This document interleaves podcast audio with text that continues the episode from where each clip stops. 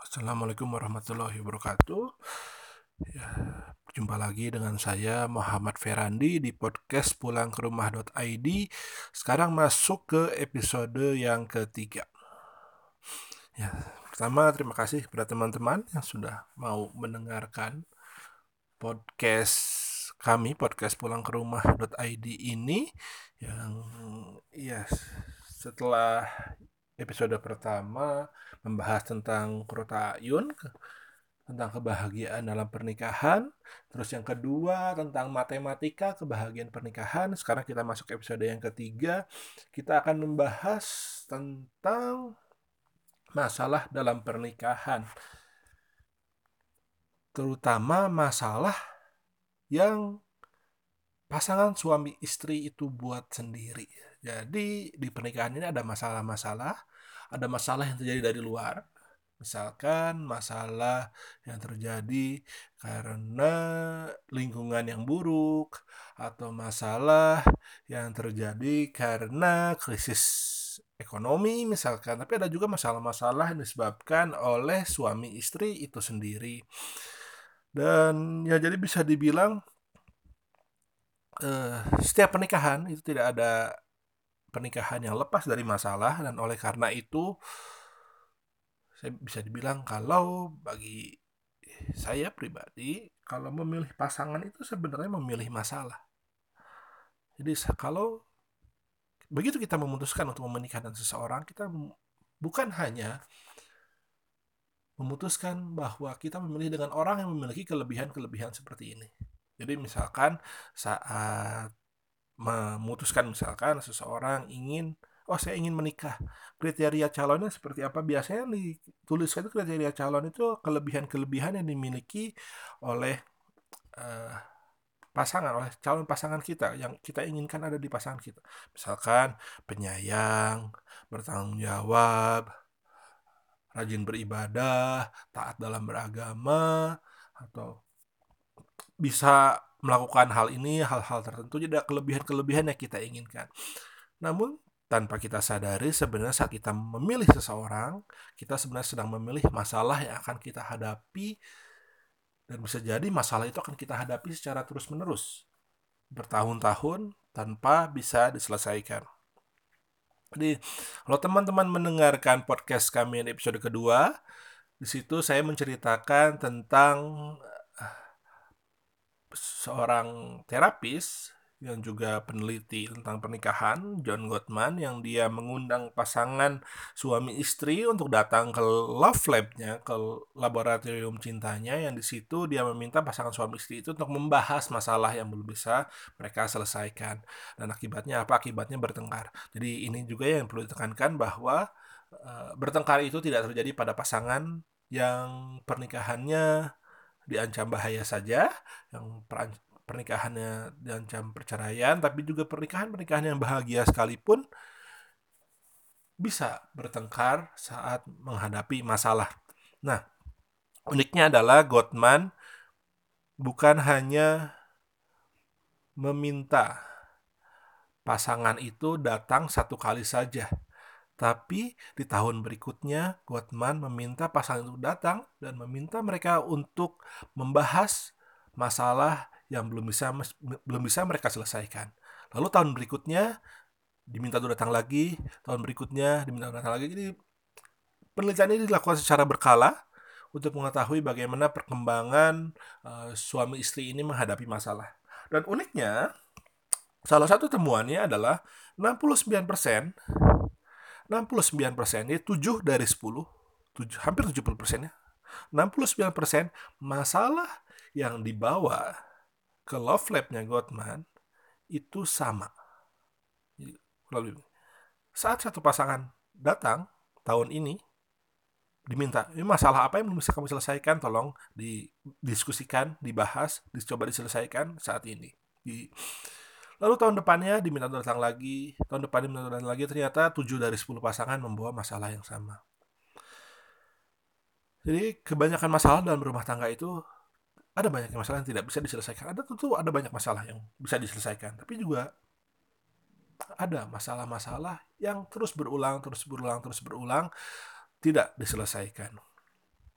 Dan bisa jadi malah memang masalah-masalah ini sebenarnya bukanlah suatu masalah kalau kita lihat dari sisi lain ya.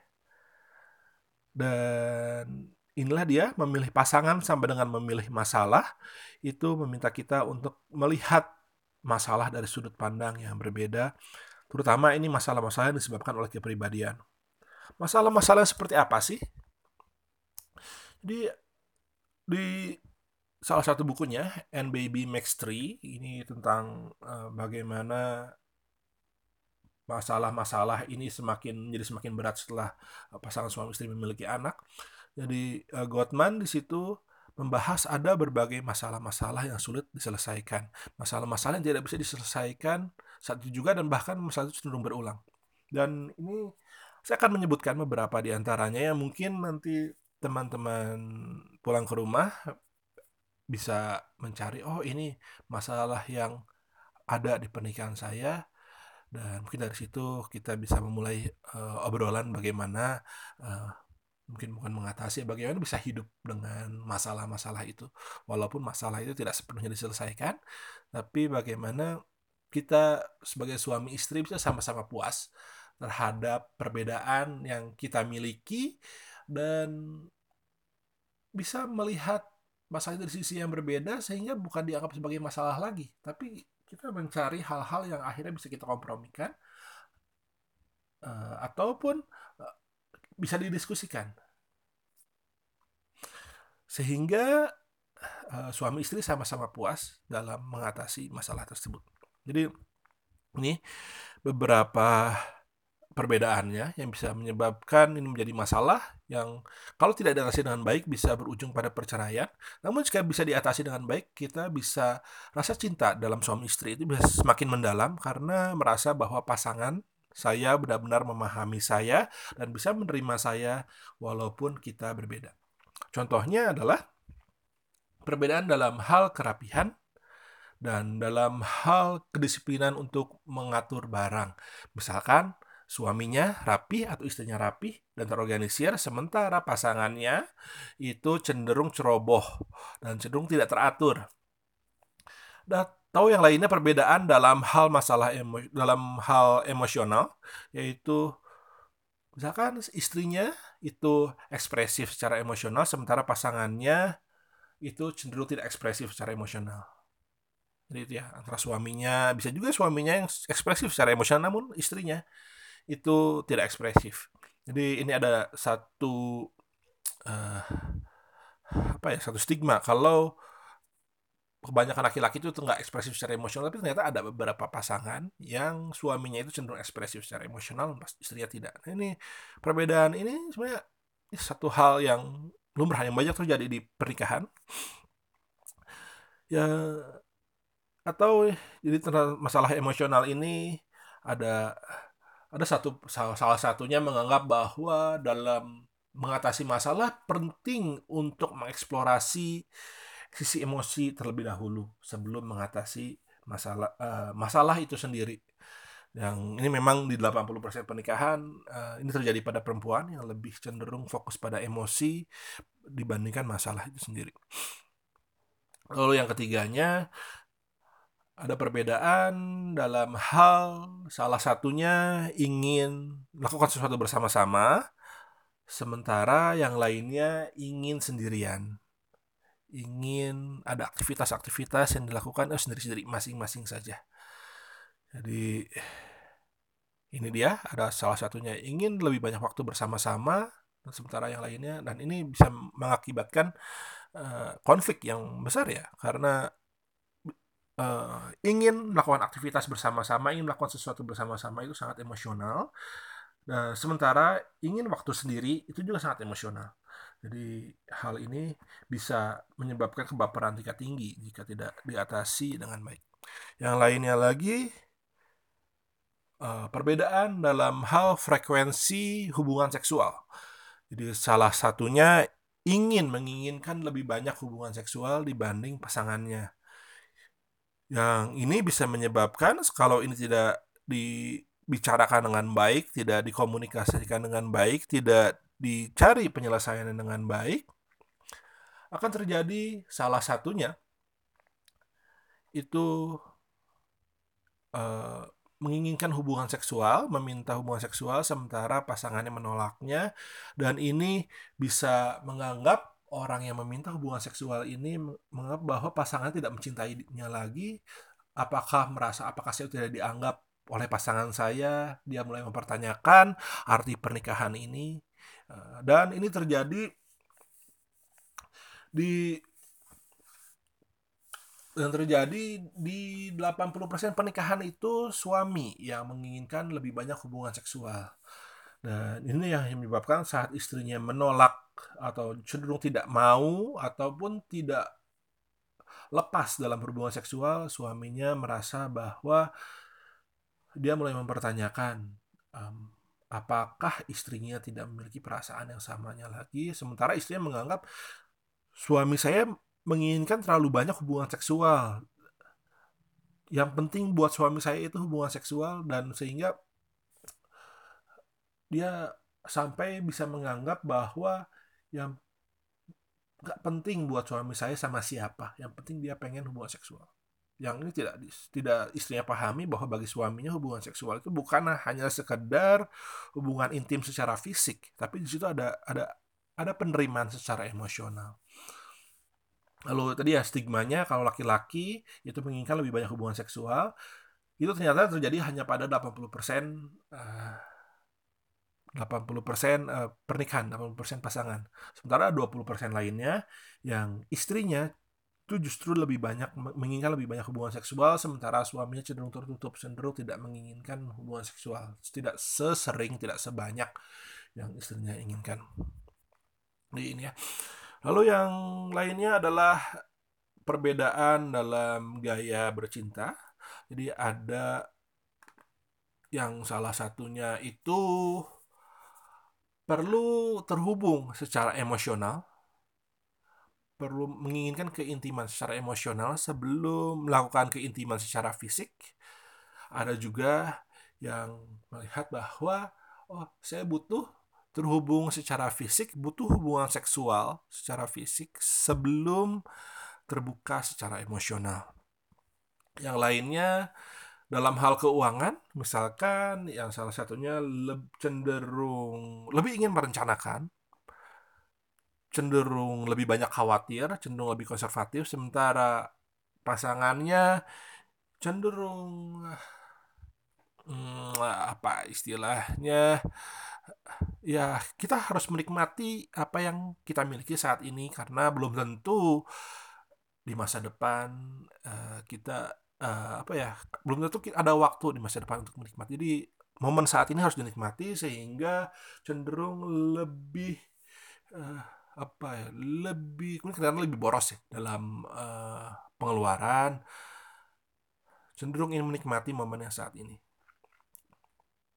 Ya, sehingga salah satunya yang cenderung ingin lebih banyak menabung yang pasangannya cenderung lebih ingin banyak hmm, mungkin traveling atau belanja entah apa yang menurut dia uh, cara untuk menikmati momen saat ini lalu cara untuk membesarkan anak cara untuk mendidik anak ada cara-cara yang berbeda sehingga menyebabkan ini ya saat tidak diatasi dengan baik ini bisa menyebabkan pertengkaran. Yang lainnya misalkan ada orientasi orientasi dalam berhubungan dengan orang lain, ada yang ekstrovert, ada yang cenderung introvert.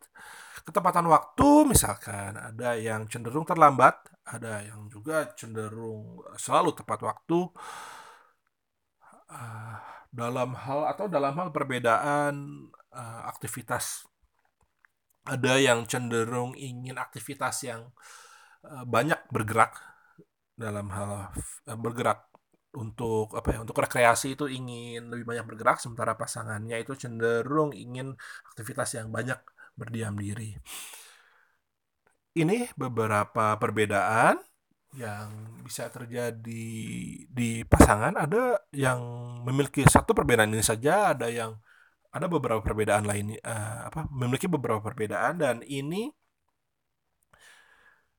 Uh, bisa jadi juga ada beberapa ada perbedaan-perbedaan yang belum saya sebutkan. Ini ada banyak perbedaan-perbedaan lainnya yang ini akhirnya perlu dikelola dalam rumah tangga dan ini bisa jadi perbedaan ini akan terjadi terus-menerus sampai pasangan suami istri ini tua.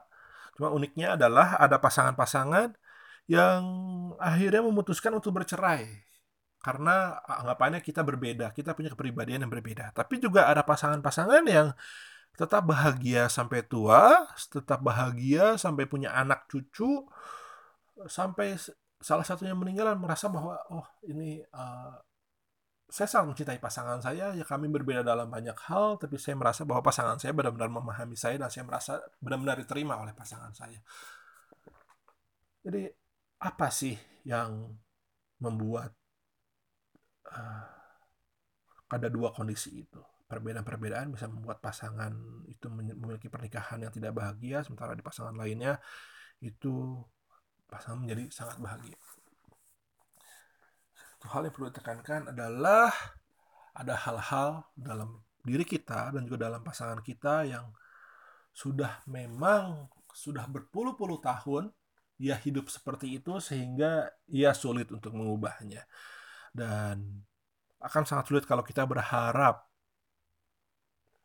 bahwa pasangan kita mau mengubahnya sementara buat pasangan kita itu sulit. Bisa jadi pasangan sebenarnya ingin mengubah dirinya, tapi karena sudah berpuluh-puluh tahun seperti itu atau mungkin ada ini kalau teman-teman mendalami talent mapping di situ ada kepribadian-kepribadian dalam diri kita dan dalam diri pasangan kita yang itu ternyata sudah secara kepribadian intinya memang seperti itu sehingga untuk mengubah kepribadiannya justru malah bisa menyebabkan masalah yang akhirnya menyebabkan pasangan merasa dirinya tidak berharga ataupun merasa saat pasangan memaksa untuk mengubah diri kita. Itu kepribadian diri kita kita merasa bahwa pasangan kita tidak menghargai diri kita apa adanya pasangan kita tidak mencintai kita ataupun saat kita berusaha untuk mengubah diri sesuai dengan pasangan kita justru kita akan menjadi stres dan untuk itulah uh,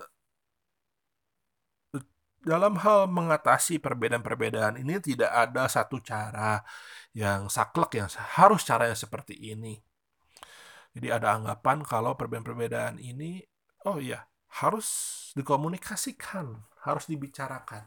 Tidak seperti itu. Ada di pasangan-pasangan yang memang perlu dikomunikasikan, namun ada juga yang tidak. Yang uniknya ini ada di buku Gottman Seven Principles for Making Marriage Work itu dibahas tentang cara salah satunya tentang cara mengatasi konflik. Jadi ada satu stigma kalau uh, menghindari konflik. Jadi kalau konflik itu harus dikomunikasikan dan kalau kita menghindari konflik justru pernikahan itu akan bermasalah. Jadi ada satu stigma kalau pernikahan yang bahagia itu di dalamnya suami istri itu bersedia untuk membicarakan hal-hal yang membuat mereka konflik.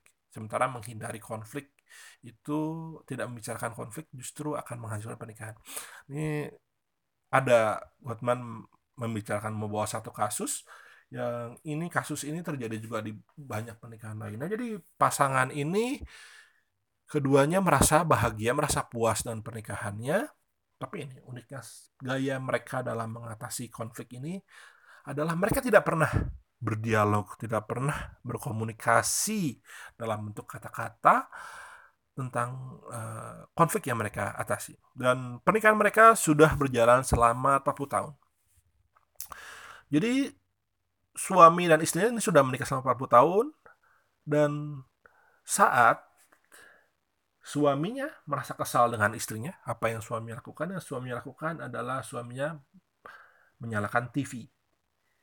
Menganggap masalah dan di saat menyalakan TV itulah suaminya berusaha untuk uh, menenangkan diri supaya tidak uh, apa ya suaminya menganggap kalau uh, konfrontasi apa membicarakan masalah membicarakan masalah itu uh, justru dia tidak nyaman sehingga dia memilih untuk uh, nonton TV.